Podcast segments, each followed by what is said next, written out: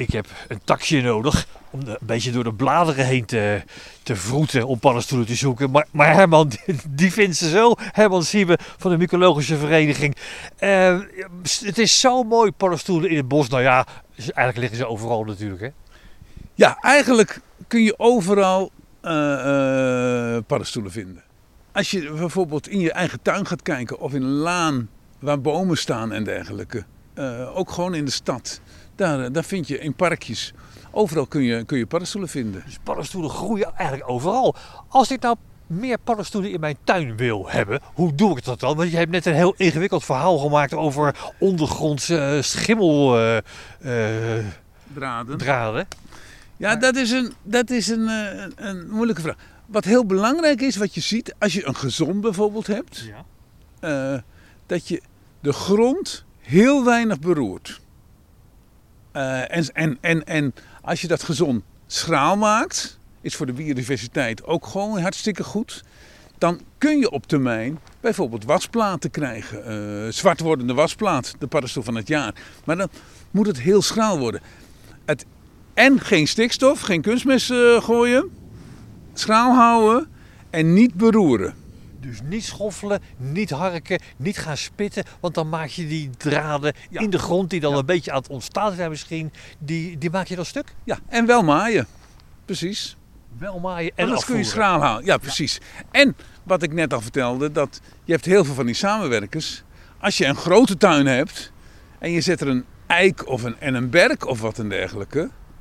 eh, ja, dan heb je ook kans dat die samenwerkers er, eh, er gaan komen.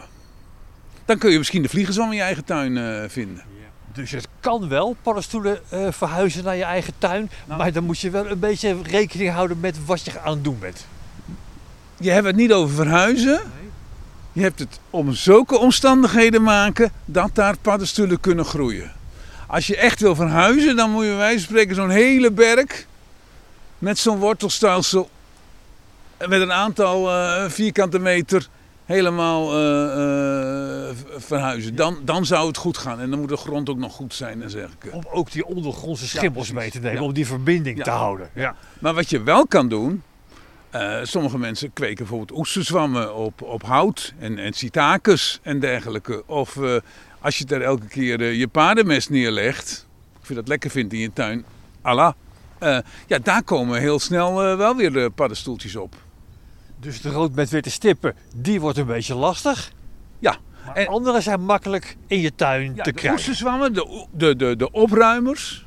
Want we hebben dus moordenaars, samenwerkers en, en, en opruimers. Eh, die opruimers, die, die zijn makkelijker eh, te kweken. Maar die paddenstoel die je nu in je hand hebt, waar die enorme stofwolk van sporen uitkwam. Als ik dat nou doe, die sporen uitstrooien in mijn tuin. Ja, dan de- deze aardappelvis die komt vooral in schrale eh, bossen voor, op, op, op, zand. Je vindt hem niet eh, in de klei. Nou, en ik, ik- die, die ga ik niet in mijn tuin in, in, eh, in Zwolle vinden. Maar hoe zou zo'n paddenstoel ergens weer kunnen ontstaan? Het grappige is, één spoortje valt precies op de goede plek. Op de goede omstandigheden. Dan moet er nog een ander spoor op die goede plek eh, eh, voorkomen.